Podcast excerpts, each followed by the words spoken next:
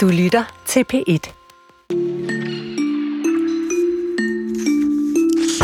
Frastødende, pornografisk og uamerikansk. Sådan lød dommen dengang i 1959, da William S. Burroughs Naked Lunch-bog ramte boghandlerne. Måske har du set filmatiseringen, som Burroughs og David Cronenberg gik øh, ud og lavede sammen i 1991. Det er vidunderlig vanvid. Og netop den her hallucinerende beatnik Burroughs ser vi nærmere på senere i den her time. Vi ser på hans vilde, levede liv, og ikke mindst hans død om 20 minutter. Hvis vi nu siger um, Davido, Asaka, Burna Boy og Tyler, så er jeg ret sikker på, at øh, hverken min mor eller jeg selv, eller ret mange andre ved, hvad jeg taler om. Fordi de er alle sammen fra den musikgenre, der hedder Afrobeat. Og lige præcis øh, den afrikanske musik øh, blev særligt fejret ved øh, weekendens øh, Grammy-uddeling. Vi kaster os over Afrobeaten sammen med en, der kender den, nemlig Karen Mukuba. Du lytter fortsat til Kulturen. Det er stadig med Karen Sikker og Jesper Dang. Og vi begynder øh, i Kolding, øh, fordi øh, der er mange danske øh, museer, som gerne vil skabe brugerinddragelse og fællesskaber. Men på Museet Trapholdt i Kolding er der rigtig mange års erfaring samlet efterhånden med at lade museums øh, publikum deltage i øh, kunsten, eller måske publikum in spe. Øh, fordi gennem tiden har museet taget en række sådan utraditionelle værktøjer i brug, og lige nu kan øh, museums øh, publikum øh, både forholde sig, eller deltager, kunne man måske øh, kalde dem, både forholde sig til skulptur i det offentlige rum og begrebet tid. Velkommen, Karen Grøn. God eftermiddag. God eftermiddag. Museumsdirektør på, øh, på Trapholdt. Jeg håber, I har mere tørre fødder i Kolding, end de har i Vejle, som vi lige hørte. Det, det kan man ikke sige. Det, vi sopper godt her i, øh, ved fjorden. Der er virkelig godt. Og forhåbentlig ja. ikke på Trapholdt. Nej, Nå. ikke indenfor. Men vores vinduer ligner en ostebutik for gamle dage, hvor det drev ned af vinduerne. Nå, vi skal ikke tale om mad. Karen, hvorfor øh, er det vigtigt for jer, og har været det længe øh, som museum, at, øh, at museumsgæsterne skal deltage i kunsten og udstillingerne? Ja. Ja, det er, det er vigtigt øh, på museet, og det er nok nærmest noget, vi kan kalde for et DNA. Uh, ikke at museerne skal, men at, øh, uh, deltage, at gæsterne kan deltage, hvis de ønsker det. Og uh, grunden til, at det er vigtigt, det er fordi, vi er interesseret i at åbne op for, at museet kan opleves på mange forskellige måder. Øh, dels på den klassiske, traditionelle, som vi hylder, fordi det er fantastisk at være kunsthistoriker på et museum, men der er andre mennesker i verden, end dem, der er kender af kunst, eller folk har måske lyst til flere ting, og derfor så har vi arbejdet i mange år med at åbne op på flere forskellige måder. Og, og øh, der har jo været forskellige måder. Ja, det, nu er det tiende gang, I gør det. Øh, hvordan har I arbejdet med at, at skabe den her deltagelse fra øh, de museumsgæster, der har lyst? Ja, altså det er faktisk ikke kun tiende gang. Vi har, vi har gjort det siden 2001, øh, hvor vi har arbejdet med deltagelse på forskellige måder. Og siden 2001 har vi udviklet et program, hvor gæster simpelthen kan kuratere udstillinger og opleve, hvad det vil sige at lave en, øh, en udstilling selv. Men de 10 gange, som du henviser til, som er helt korrekte, det handler om, at vi øh, siden 2014 har skabt kolossale store kunstværker, hvor vi har koblet en kunstnerisk vision med borgere, som er dygtige eller har en passion for et eller andet. Det kan være inden for trædrejning eller hækling, broderi. En eller anden form for håndværk eller håndarbejde, som de, de har en passion for. Og det, som er ideen i vores projekter, det er, at der findes, altså når vi kigger på kunsthåndværk, altså der findes virkelig mange borgere, som er afsindigt dygtige mm. til øh, de her håndarbejder men måske ikke er vant til at tænke i en større skala eller ind i en kunstnerisk kontekst. Og på den anden side, der har vi nogle øh, virkelig dygtige kunstnere, som er dygtige til at skabe et, øh, et greb eller en vision. Og når de så inviterer borgere til at bidrage ind i den vision, så opstår der en mangfoldighed og dynamik i deres værker, som simpelthen ikke kunne ske uden borgernes bidrag.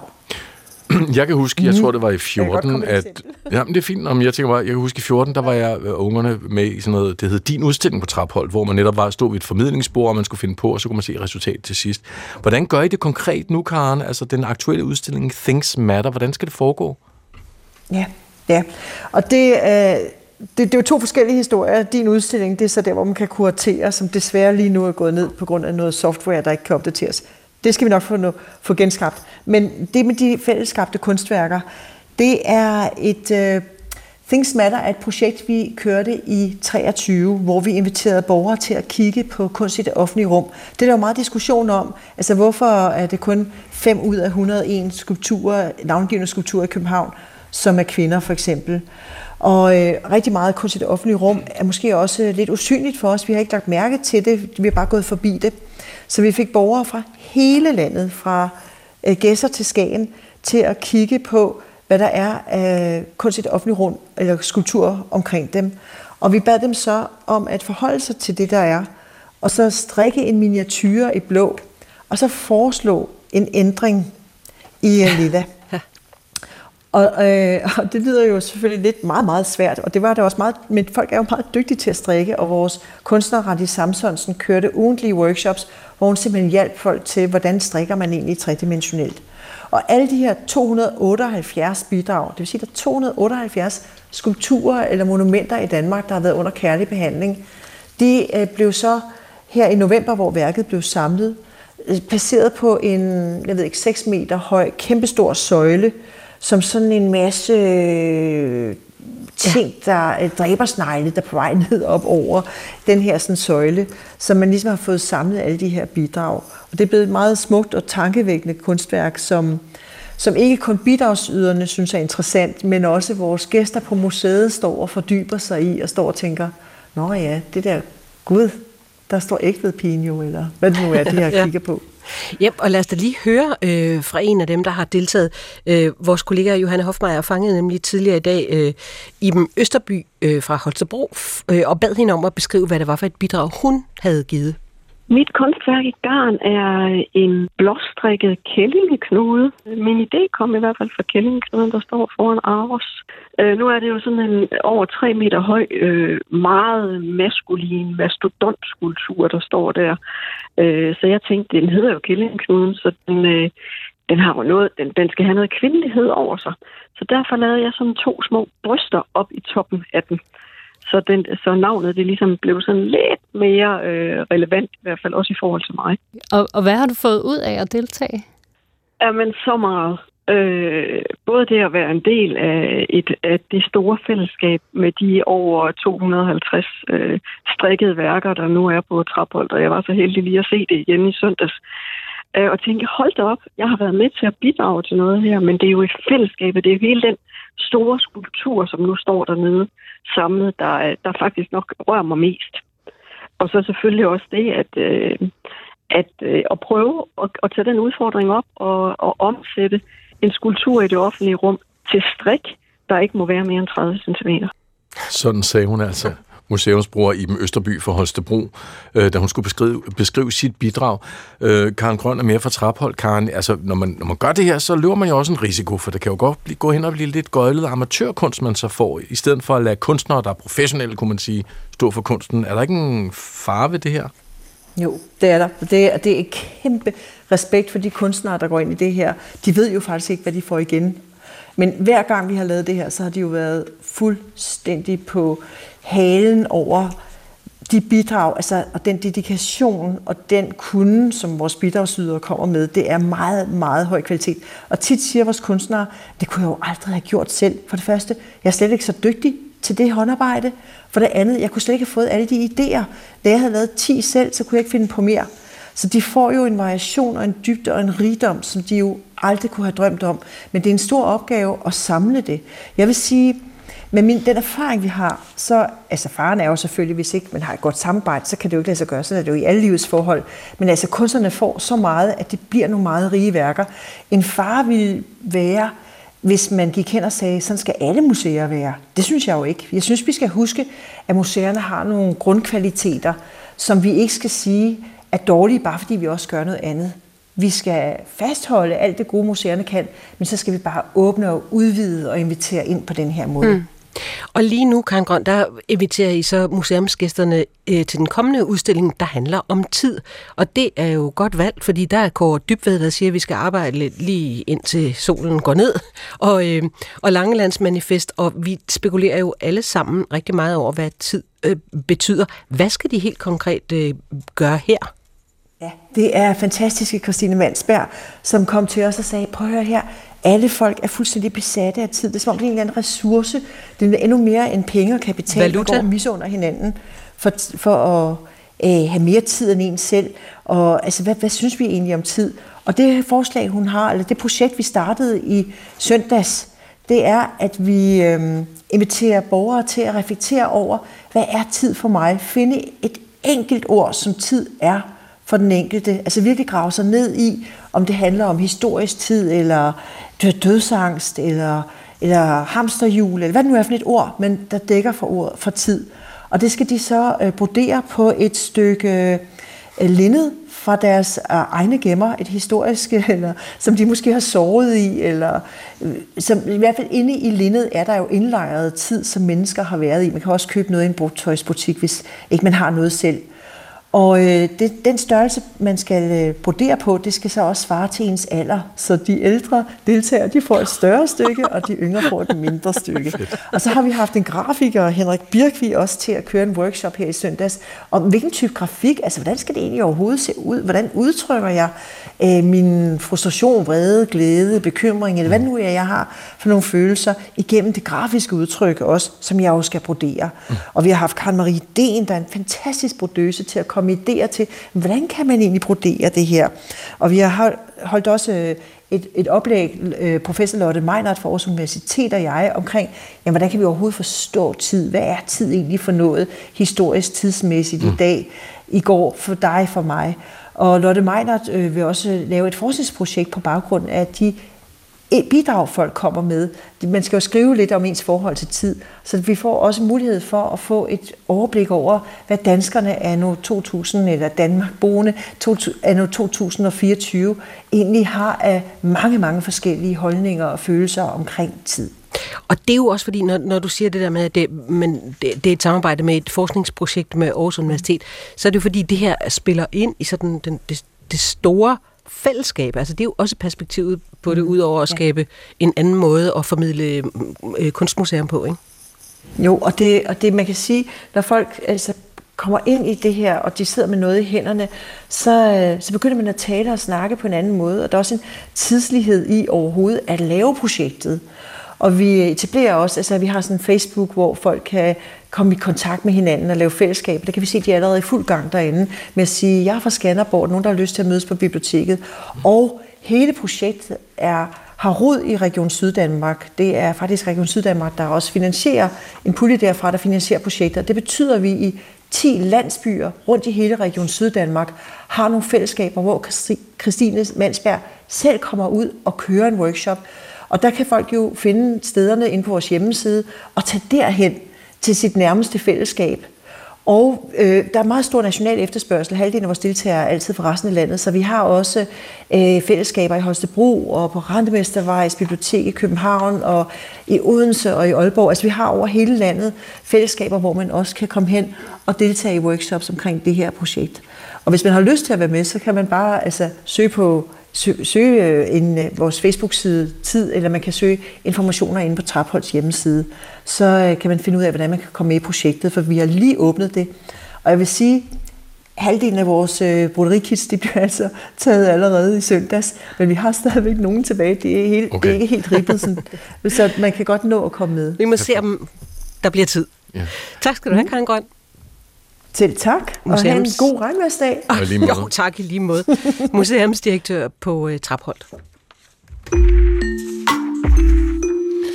Skal man bygge nyt, ja, så må man jo altså rive ned øh, de fleste gange. Sådan har logikken været i byggebranchen i mange år, men med den tilgang, så tror man et stærkt potentiale for at skabe lokal udvikling. Og det konkluderer ikke jeg, men en ny bog, der sætter fokus på værdien i at bevare og udvikle øh, kulturmiljøer. Mogens A. Morgen, velkommen. Jeg håber, du er med os. Jeg er med, ja. Det er godt. Ja. Professor på Arkitektskolen i Aarhus og medforfatter på den her bog, der hedder Kulturmiljø. Øh, og og ja, den, den udkom lige her for nylig. Måske skal vi først lige få på plads, for det er det første, jeg tænkte. Hvad er et kulturmiljø? Ja, det kan jeg godt forstå, du spørger om, for det er der ikke så mange, der har, øh, der ved noget om. Og, men ja, et kulturmiljø øh, er en, øh, et område, som fortæller en historie om, om det pågældende sted. Øh, det vil sige, det er, øh, det er en, øh, en, at man prioriterer helheden øh, frem for enkeltdelene. Arkitekter og andre har, øh, har tit fokus på enkeltbygninger, en flot bygning, men, men øh, kulturmiljøer går ind og kigger på den helhed, som udgøres af, af summen af alle enkeltdelene. Og, og de der enkeltdele kan så være alt fra lokalt miljø, natur, bygninger, Ja, det kan det. Altså, øh, øh, det er et, et godt eksempel er for eksempel, øh, øh, man kunne tage Nye Boder i København, øh, som er sådan et sted, hvor det er både bygningerne, men så er det også øh, de gårde, der ligger mellem bygningerne, og det er også vejene, der ligger imellem. Så det er sådan en helhed, øh, som, som udgør et kulturmiljø. Mm. Mogens, øh, i bogen der har I udvalgt 35 af de her kulturmiljøer i Danmark, blandt andet Torup Strand, der er vi jo oppe øh, ved Skageræk i Jammerborg Kommune, ja. ikke? Ja. Øhm, hvor der er rigtig meget sommerhus og et par hundrede fastboende. Ikke? Ja. Og så er også det lollandske dige. Hvad er der ved de steder, der gør dem sådan helt særlige i den her sammenhæng? Jamen, øh, det der er, det er, at de er jo aktive i, øh, i øh, den dag i dag. Altså Torup Strand, det er jo her, hvor der bliver trukket fiskerbåde op på stranden stadigvæk. Det vil sige, det er aktivt. Øh, det bliver brugt øh, som en levende del af, af, af vores liv i dag. Øh, det er meget vigtigt, og det er en af vores pointer i bogen, det er, at øh, kulturmiljøer er ikke noget, der har noget med museer at gøre. at Det er ikke musealt. Tværtimod så er det en del af, af det levende samfund. Øh, Øh, og det er netop Torup Strand et, et godt eksempel på. Tilsvarende med det lollandske dige, som du nævner, øh, som jo ligger øh, og øh, afskærmer Lolland for oversvømmelser, øh, hvor der så er opstået et, et miljø lige inde bagved af sommerhuse og naturområder. Øh, så, så det lollandske dige er nok det længste kulturmiljø, øh, vi, har, vi har med i bogen. Det er sådan meget lang og smal øh, ting, der ligger dernede øh, på, på Lollands øh, sydkyst. Ja, og jeg tænkte på nu det her særlige, altså, jeg, øh, blandt 2.000 øh, kulturmiljøer har, har I udpeget de her 35 øh, til, til bogen.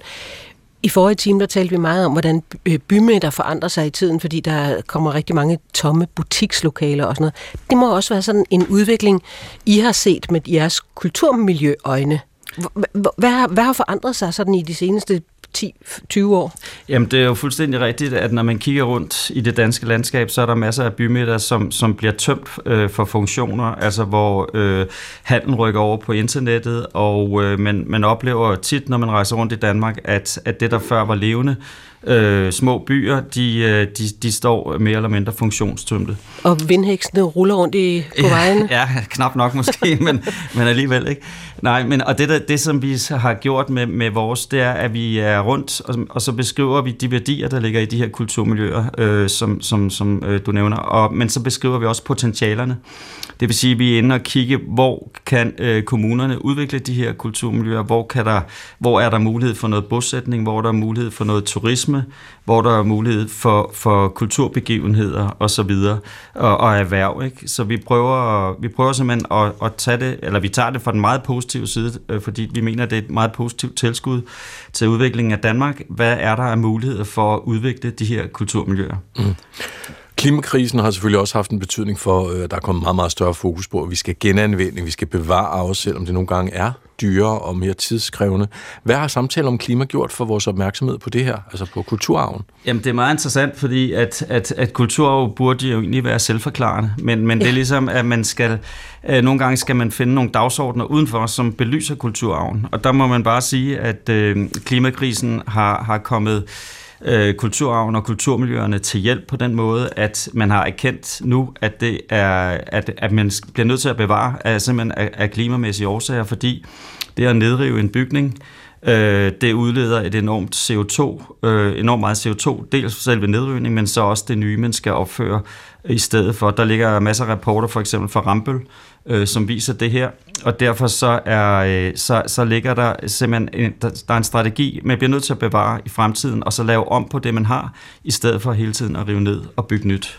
Men det er fordi, Øh, en ting er sådan klimakrise og, og bæredygtighed og sådan noget, men er det også fordi, man kan ikke bare skabe et, et, øh, et, et godt kulturmiljø i nybyggeri? Ja, altså det er klart, at der ligger noget tidsmæssigt i kulturmiljøerne. Ikke? For, for os at se, så er det, det, så er det samfundets kollektiv erindring, øh, der ligger i kulturmiljøerne. Der er øh, et enormt, øh, en enorm fortællekraft i, i, i bygninger, både gamle, men, men også i nye. Men, men øh, det er også, altså når vi kigger på tiden i kulturmiljøer, så er, det, så er der også et, et fremadrettet perspektiv i det tidsmæssigt. Fordi det er, nogle, det er jo nogle kulturmiljøer, øh, som, som hele tiden kan udvikle sig. Så det, det handler om, når man skal udvikle et kulturmiljø, det er, at man skal kigge på de potentialer, der er, og så skal man udvikle det på en måde, øh, så det fortsat er en aktiv og kvalitativt øh, tilskud til, til vores liv her, her på jorden. Mogens, Mogens jeres, øh, jeres bog udspringer af et større forskningsprojekt, som øh, Realdania jeg var lige vil sige, selvfølgelig har støttet. Mm. Og I har fra Arkitektskolen Aarhus side forsøgt at udvikle sådan en metode til kommunerne, der skal ja, ja, gøre det tydeligt nemmere, hvordan man kan bevare gennem udvikling. Hvad er det for en metode?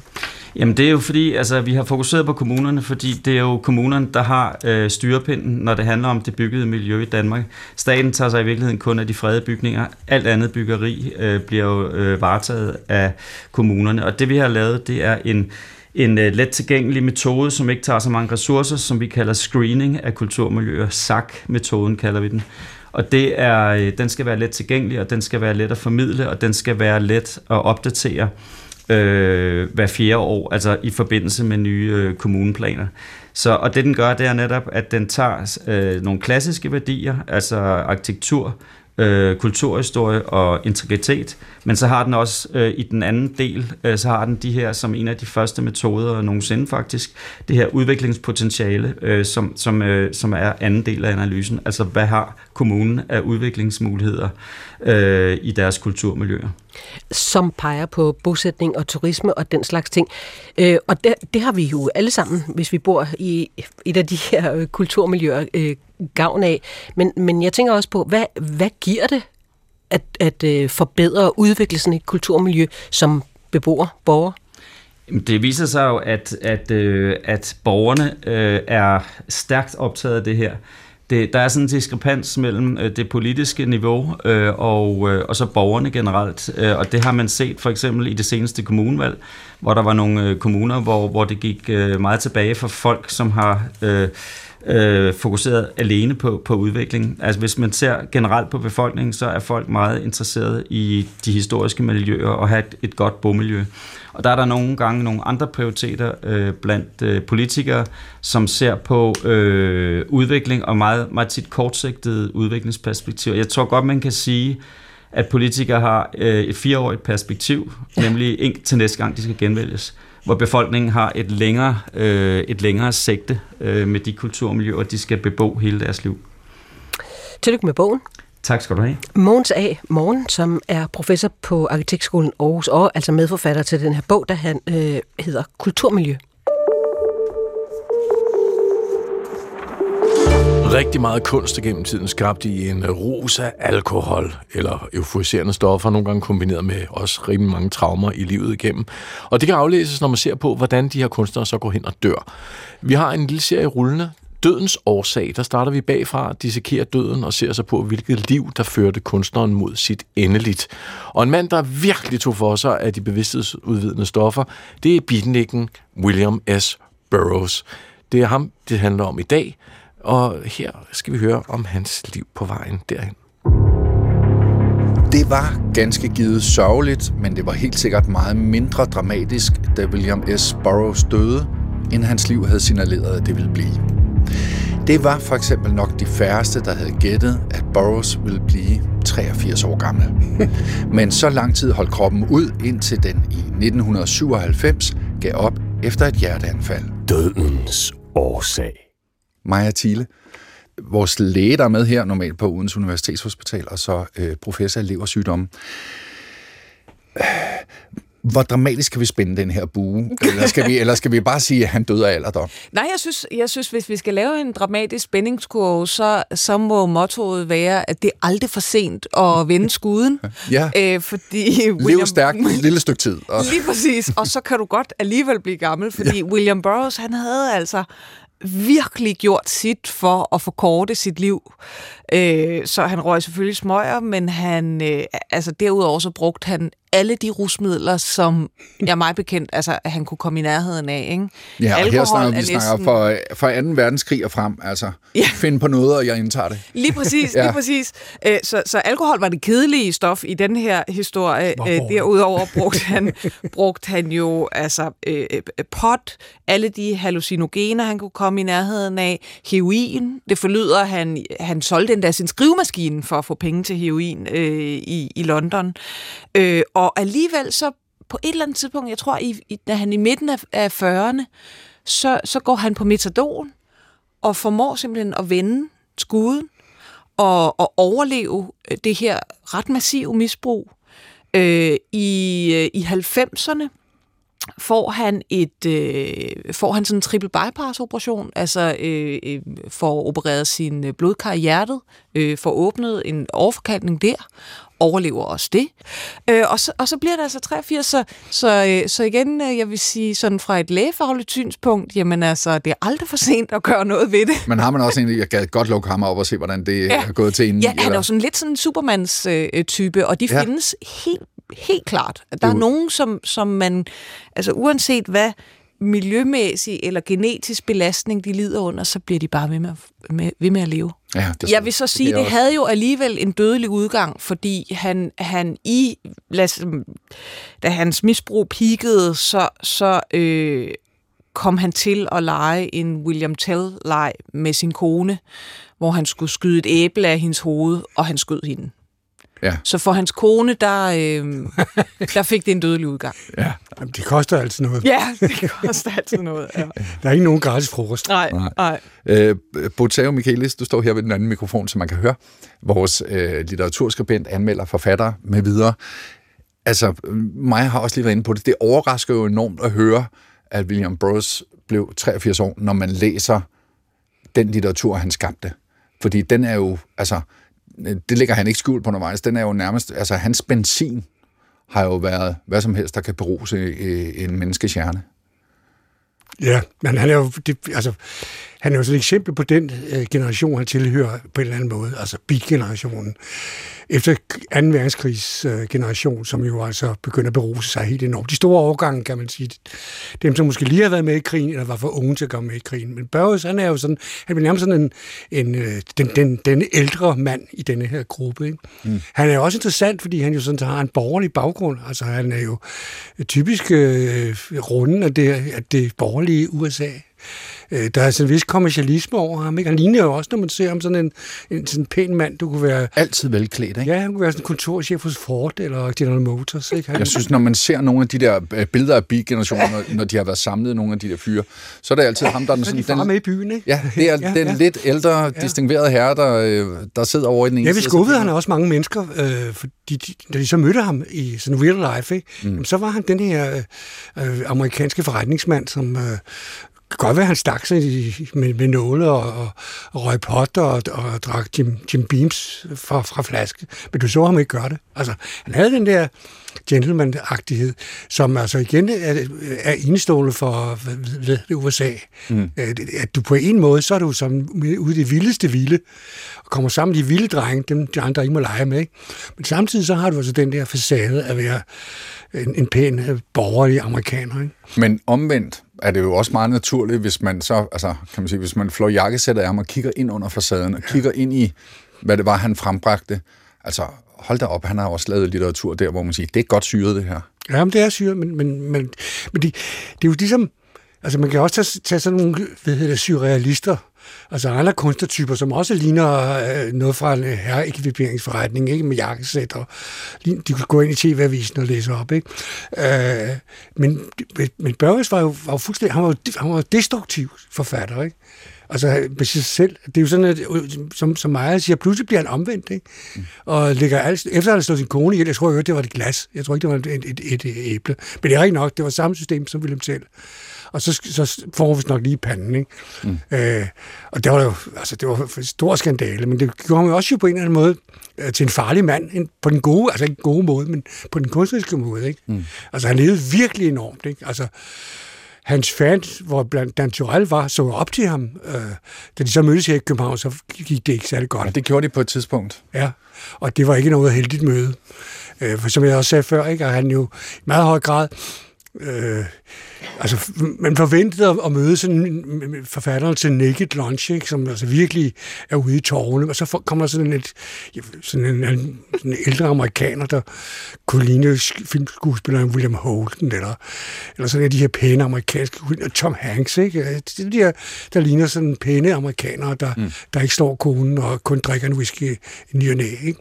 Men han var altså vild, og han var virkelig øh, ude på noget. Ikke? Altså, virkelig. Hvordan, øh, Bo, øh, altså fordømte han så også, efter han ligesom havde omlagt sit liv, det tror jeg nok, han, han så også ja, altså, han, øh, folk, der, ja, der ja, drak og, ja, og tog... De var ikke seriøse nok. Tog potter ja. og så videre, ja. Mm. Altså, jeg, jeg, han var... Efter han var blevet vendt om, så tror jeg faktisk nok, at han, så var han ikke... Øh, de, de, sagde, de sagde ham ikke noget, de der... Øh, øh, beatniks og øh, hipsters, hvad de alle sammen hedder. Ikke? For det er jo temmelig dobbeltmoral, må man sige. Jo, men jeg tror ikke, det, jeg tror snart, det var mentalitetsændring. Jeg tror, han... Øh, det har vi også været før. Folk pludselig, der har haft en vild, vild, vild ungdom og været ude noget snavs. Pludselig så ligner de sådan en departementchef fra Justitsministeriet. Ikke? Der ligger jo også noget i det der med, at man skal jo lægge en afstand for ikke at komme til at falde i igen, tænker jeg også. Ikke? Altså, det kan du have ret i. Det tror jeg faktisk. Altså, det... Så hvis man går ud og, og turnerer hele natten igen med de andre øh, øh forbi generationen der, så falder man muligvis ja, måske, i, i hvert fald. Eller, eller også er han egentlig sådan et ret godt eksempel på det, som på, på dårlig dansk hedder The Alcohol Harm Paradox. Altså at man øh, drikker i hvert fald Danmark og egentlig også i, i resten af de vestlige lande, lige så meget i den øverste socialgruppe som i den nederste socialgruppe. Mm. Men hvis du tilhører ligesom en ja, veluddannet øh, familie, har en god økonomisk baggrund, så din risiko for at dø af øh, alkoholrelateret sygdom er, er meget, meget, meget lavere end hvis du ikke har øh, uddannelse og økonomisk baggrund med dig. Øh, så, så på den måde kan han også bare repræsentere det, at han er kommet fra bedre kår. Ja, det tror jeg, du, det tror jeg mig, du er fuldstændig ret i. Han er, han er sådan en klasseforræder, tror jeg, man, man siger. Ikke? Altså, han er, han, så finder han tilbage til sin oprindelige klasse, da han så bliver omvendt og lægger nålene på, på, på, på hylden. Og, jeg ved ikke, om han, om han stadig drikker, eller han, han har også holdt op med det. Men i hvert fald så bliver han sådan meget tørlagt, kan man sige. Mm. Og det øh, vagte jo undren, netop da han også rejste rundt der var, var guru, ikke? at de showed op, altså Burroughs, ikke? det var jo han var det største det største. Ja, øh. og hvordan han blev til det, det kommer vi til lige om lidt. Lad os lige starte det med der, hvor han syr rigtig godt ud. Jeg har fundet en lille klip fra filmatiseringen af Naked Lunch, som jo er en vild øh, roman. Øhm, og vi får et lille klip af den her. William Lee, I have arranged all this just to have a moment alone with you. I am your case officer. Uh, what? Case officer. You are my agent. I, in turn, report to your controller. Come, come, Mr. Lee. You don't have to play dumb with me. Hmm. That would be foolish, wouldn't it? It would. Say, Bill, do you think you could rub some of this powder on my lips? Mm, yeah. Sure.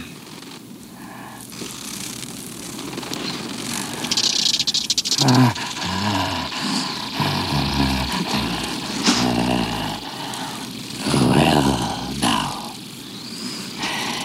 you might have expected, I have instructions for you from Control. Det skal også en vild film. Ja. ja. Hvordan tog samtiden mod øh, Naked Lunch, dengang øh, han udgav den? Da den kom ud i USA, så var det selvfølgelig kun kult. Det, det var jo en kultisk bog. Den var jo stået imod alt amerikansk borgerlig moral. I Europa bekræftede den jo øh, Øh, øh, europæiske intellektuelle og kunstnere i, at det foregik vildt over i Amerika, ikke? og det var vildere, og det var vildere på den måde, at det var mere amerikansk. Ikke? Altså, da han kommer ud af den der hvad skal vi sige, øh, hasrevolution eller potrevolution, den er jo ikke så meget udbredt, men der var folk, der kom hjem fra Amerika, så det havde røget marihuana, åh oh, gud, ikke? Og der var også og de her jazzmusikere, de stak sig med nåle og sniffede heroin, og hvad, hvad ved jeg.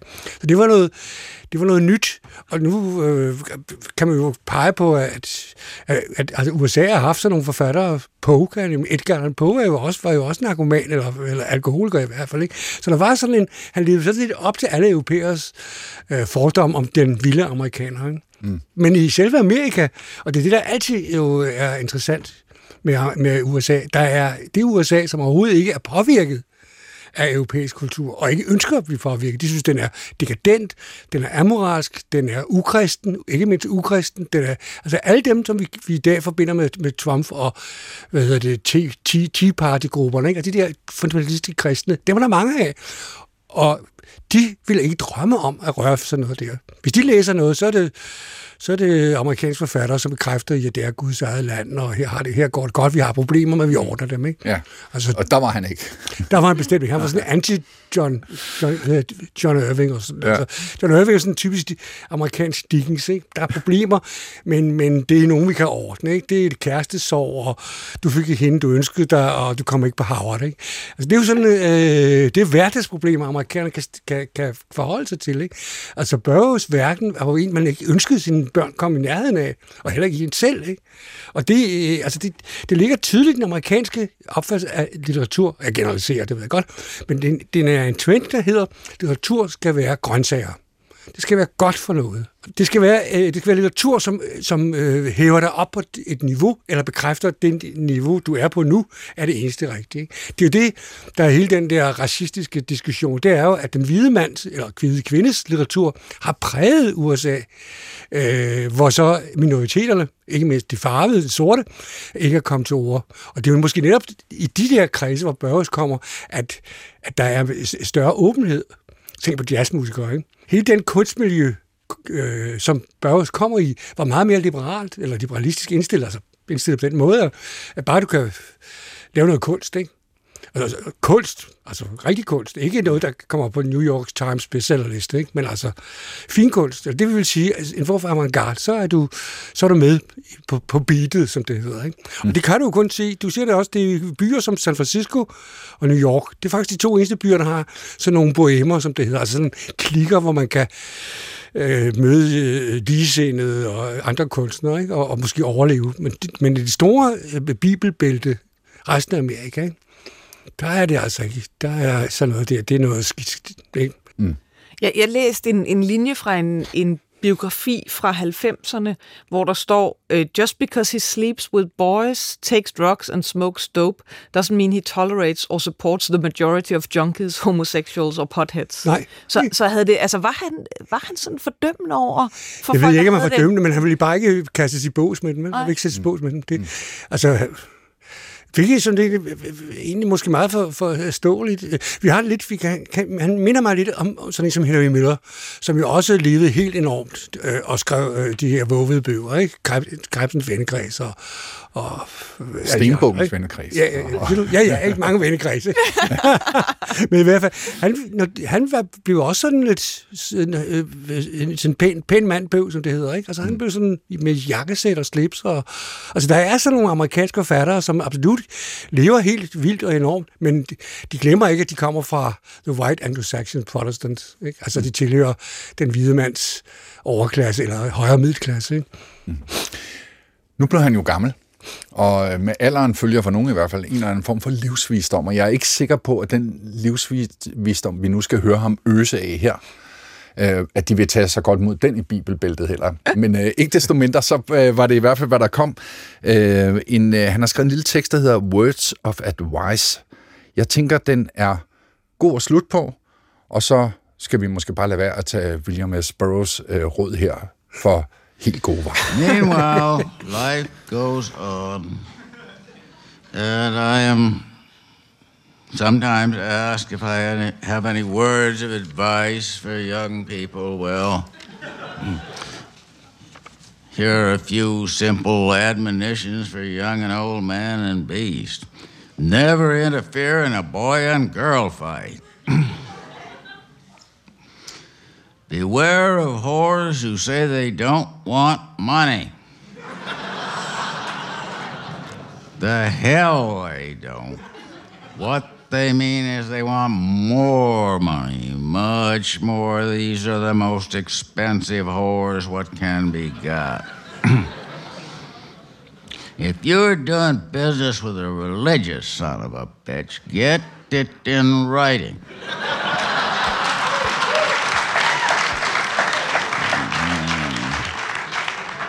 His word isn't worth shit. Not with a good Lord telling him how to fuck you on the deal. Okay. Noget, noget af en karakter. William S. Burroughs øh, fik det sidste ord, og inden da lå de i munden på læge øh, Maja Thiele og litteraturskribent øh, Bo Tao Michaelis og kulturens egen Thomas Holmby Hansen.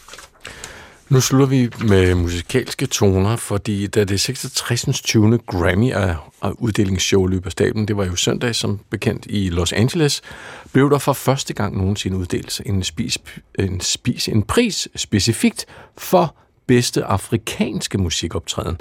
Og derudover så optrådte den nigerianske sanger Burna Boy også til det her show sammen med nogle af de største navne på musikscenen, der overhovedet er i dag. Og det er jo langt fra, fordi afrikansk musik er en ny ting. Men øh, genren afrobeat øh, har altså været igennem en øh, ret voldsom udvikling i de seneste år. En udvikling, der er så om, omfattende, at et øh, fænomen som øh, Grammierne, som nogen måske synes er en anelse gammeldags, nu faktisk også begynder at anerkende afrikansk musik som sådan en særskilt øh, genre. Men hvorfor så lige nu?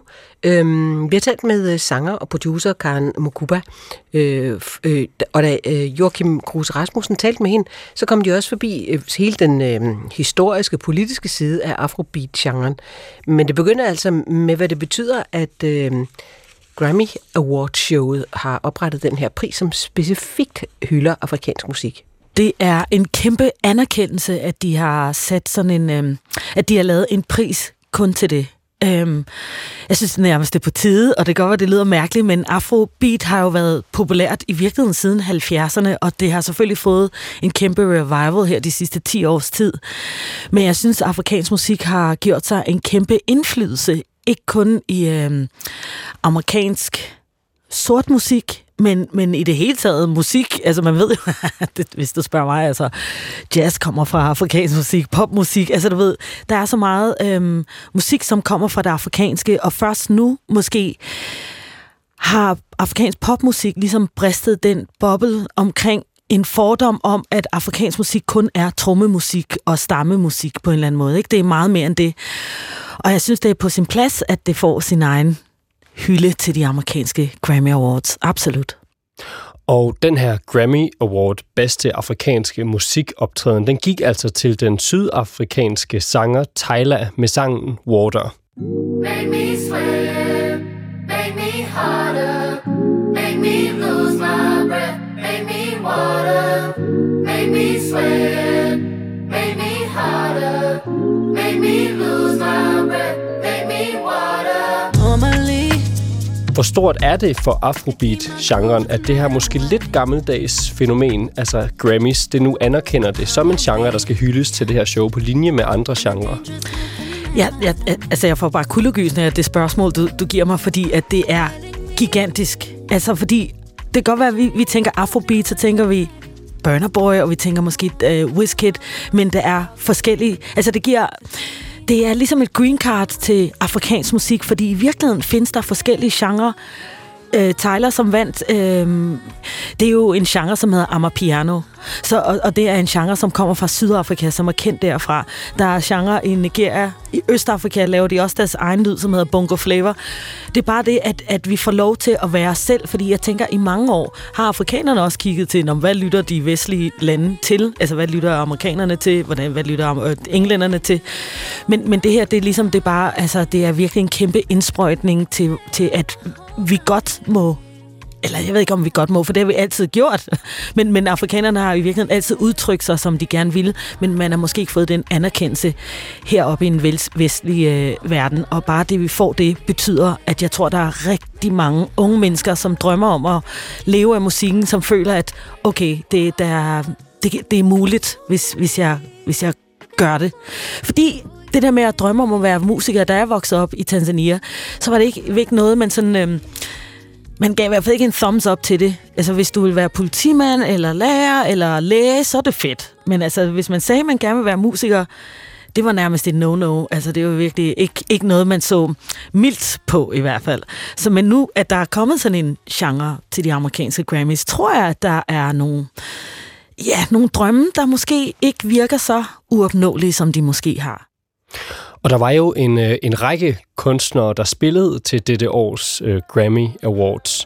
Nogle af de allerstørste navne i musikindustrien lige nu, som øh, Olivia Rodrigo, Billie Eilish og Dua Lipa. Men en af dem var også den nigerianske sanger Burna Boy, der blandt andet spillede et af sine allerstørste hits, Yay.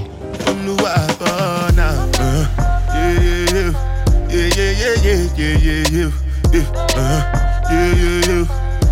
yeah, yeah, yeah, yeah, yeah. Yeah, yeah, yeah, yeah. Yeah, yeah, yeah, yeah, yeah, yeah, yeah. Yeah, uh-huh.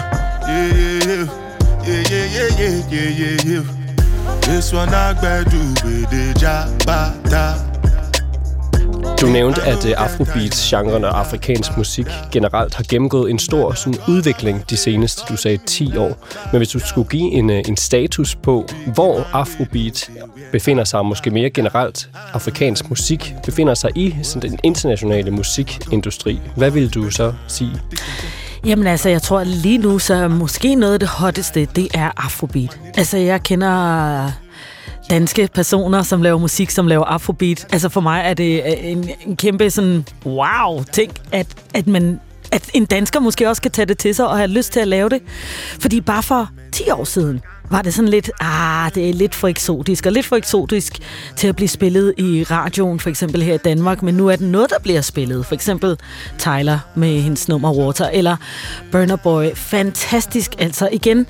Øhm, jeg tænker, at, at vi er på vej et sted hen. Det, det, jeg godt kan lide ved Burner Boy, og sådan noget som Tyler. Tyler synger så lidt mere på engelsk, men Burner Boy, han synger på Pidgin English, som er måske et sprog, som man kan måske, nogle af ordene kan man tyde, andre kan man ikke tyde. Og for mig er det et symbol på, at verden bliver mindre og mindre, også musikalsk, og det gør ikke så meget, at man synger på et andet sprog. Jeg tror nu, grunden til, at uh, American Music Awards også ligesom uh, sætter sætter det på deres dagsorden, det er fordi, at det er kommet for at blive, og jeg håber virkelig, at det er der også om 20 år, men det lyder sikkert overhovedet ikke, som det gør i dag. Men, men, men jeg synes, at det er en øh, vigtig anerkendelse, at det er der, fordi at, at afrobeat er ikke kun én ting. Det er faktisk, hvis man dykker ned i det, så er det faktisk forskellige genrer inden for afrobeat, som for eksempel Amapiano eller bongo flavor fra Østafrika. Øhm, og jeg tror, at den udvikling bliver kun større, og jeg håber også, at det bliver en genre, som ikke kun bliver sådan, når man skal kun gøre det, hvis man er afrikaner, at jeg håber på, at man også ser en helt blond dansker om måske fem år lave afrobeat. It's all good for me.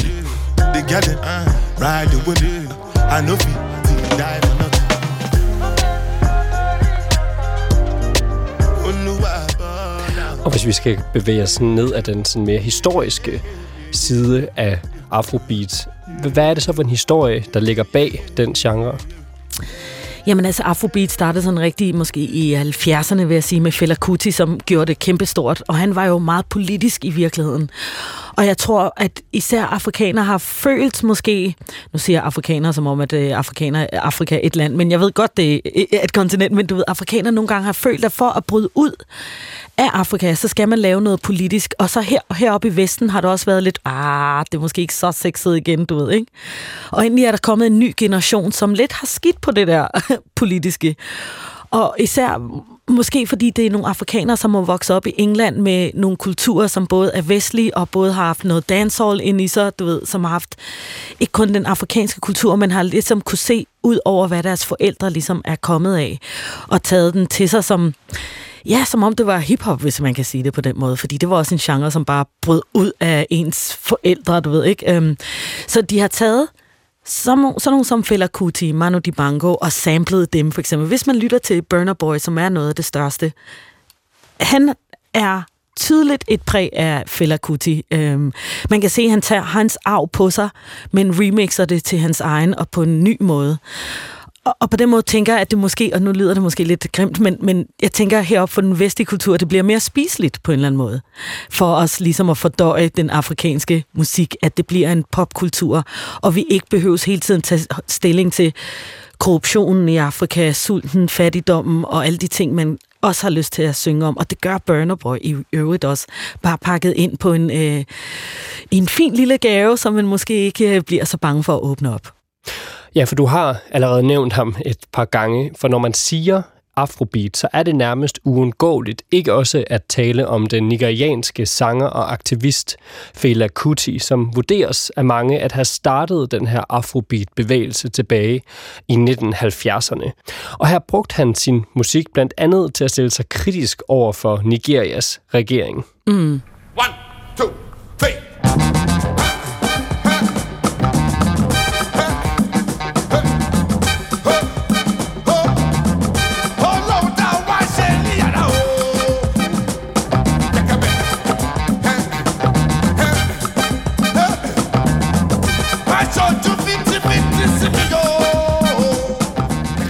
her hørte vi altså Fela Kutis sang Let's Start.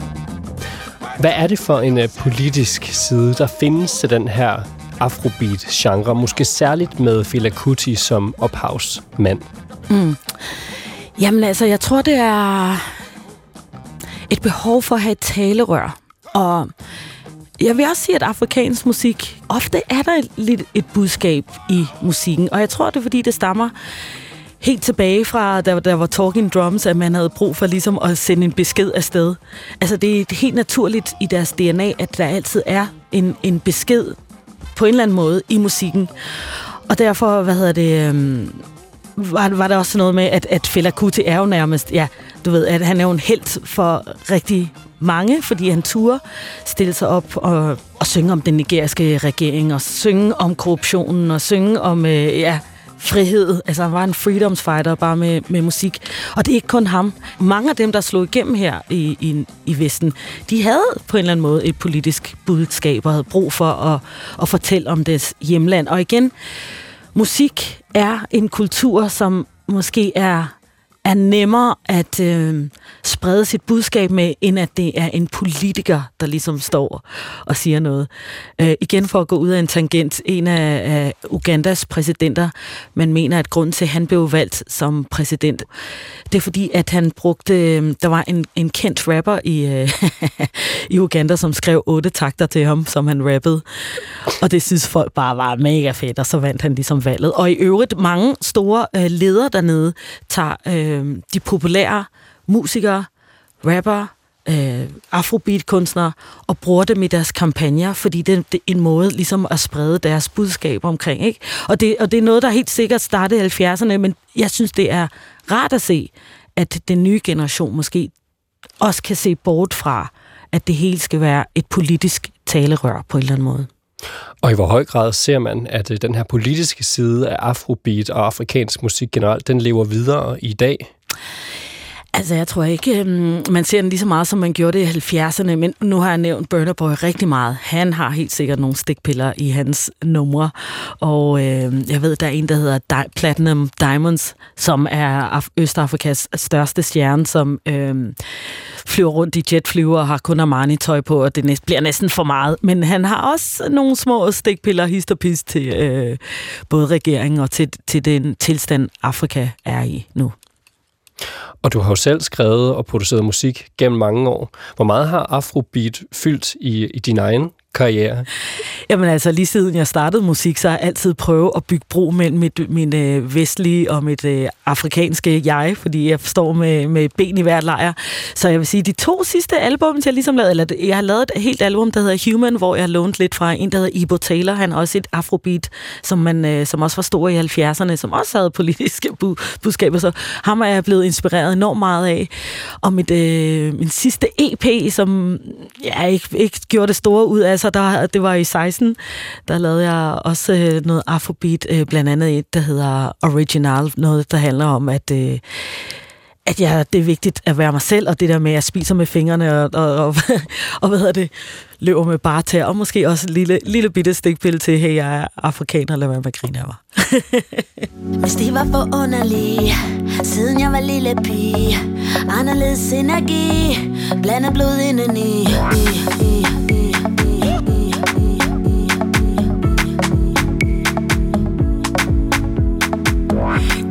De kigger, glor på mig Stammer fra en snodvej Hvordan kan jeg ændre mig Så længe de undrer sig? Jeg kigger, jeg spiser med fingrene. Mit hår, det er gruset, hvad ligner det? Forstår ikke, hvad det betyder. Jeg danser kun i bare fødder.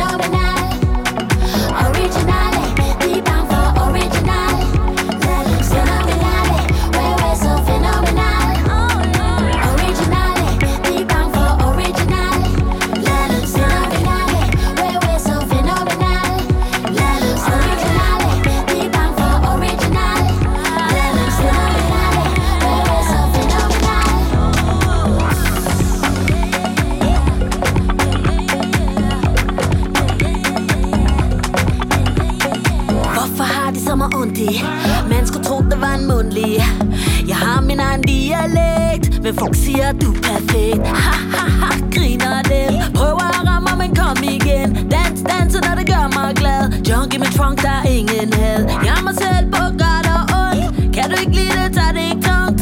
Ser livet i farver. Mærk dine navre I Det her var sanger og producer Karen Makuba, da hun talte med vores reporter Joachim Kruse Rasmussen. Og det sidste nummer, du hørte på her, det var fra 2016, Original. Jeg tror, vi er begyndt at opfatte døden lidt som noget, der skyldes en fejl i kroppen. Brinkmann og gæster zoomer ind på tidens tendenser. Er det overhovedet værd at blive 122 år og stræbe efter et langt liv, Søren Brinkmann? Hvis jeg løb en tur, ikke fordi jeg fik en god følelse i kroppen af det, men for at leve længere, så tror jeg, det ville tage rigtig meget af glæden ved at gøre det. Brinkmanns Brix. Skader det rigtig meget, hvis jeg spiser onsdagsnegle og hindbærsnitter. Ja, altså sukker er nok rigtig skidt. Kom med på Brixen, eksklusivt i DR Lyd og onsdag kl. 10 på P1. Nu går vi ud af radiostudiet og ud i silende regnvejr, og det kan vi roligt sige, fordi det er vist over hele landet. Folk gør det. Vi har lige set billeder fra Vejle. Uha, stakkels jer. Karen Sikker, Jesper Dein, Thomas Holmby Hansen. Kan I have det godt? Gå på opdagelse i alle DR's podcast og radioprogrammer. I appen DR er Lyd.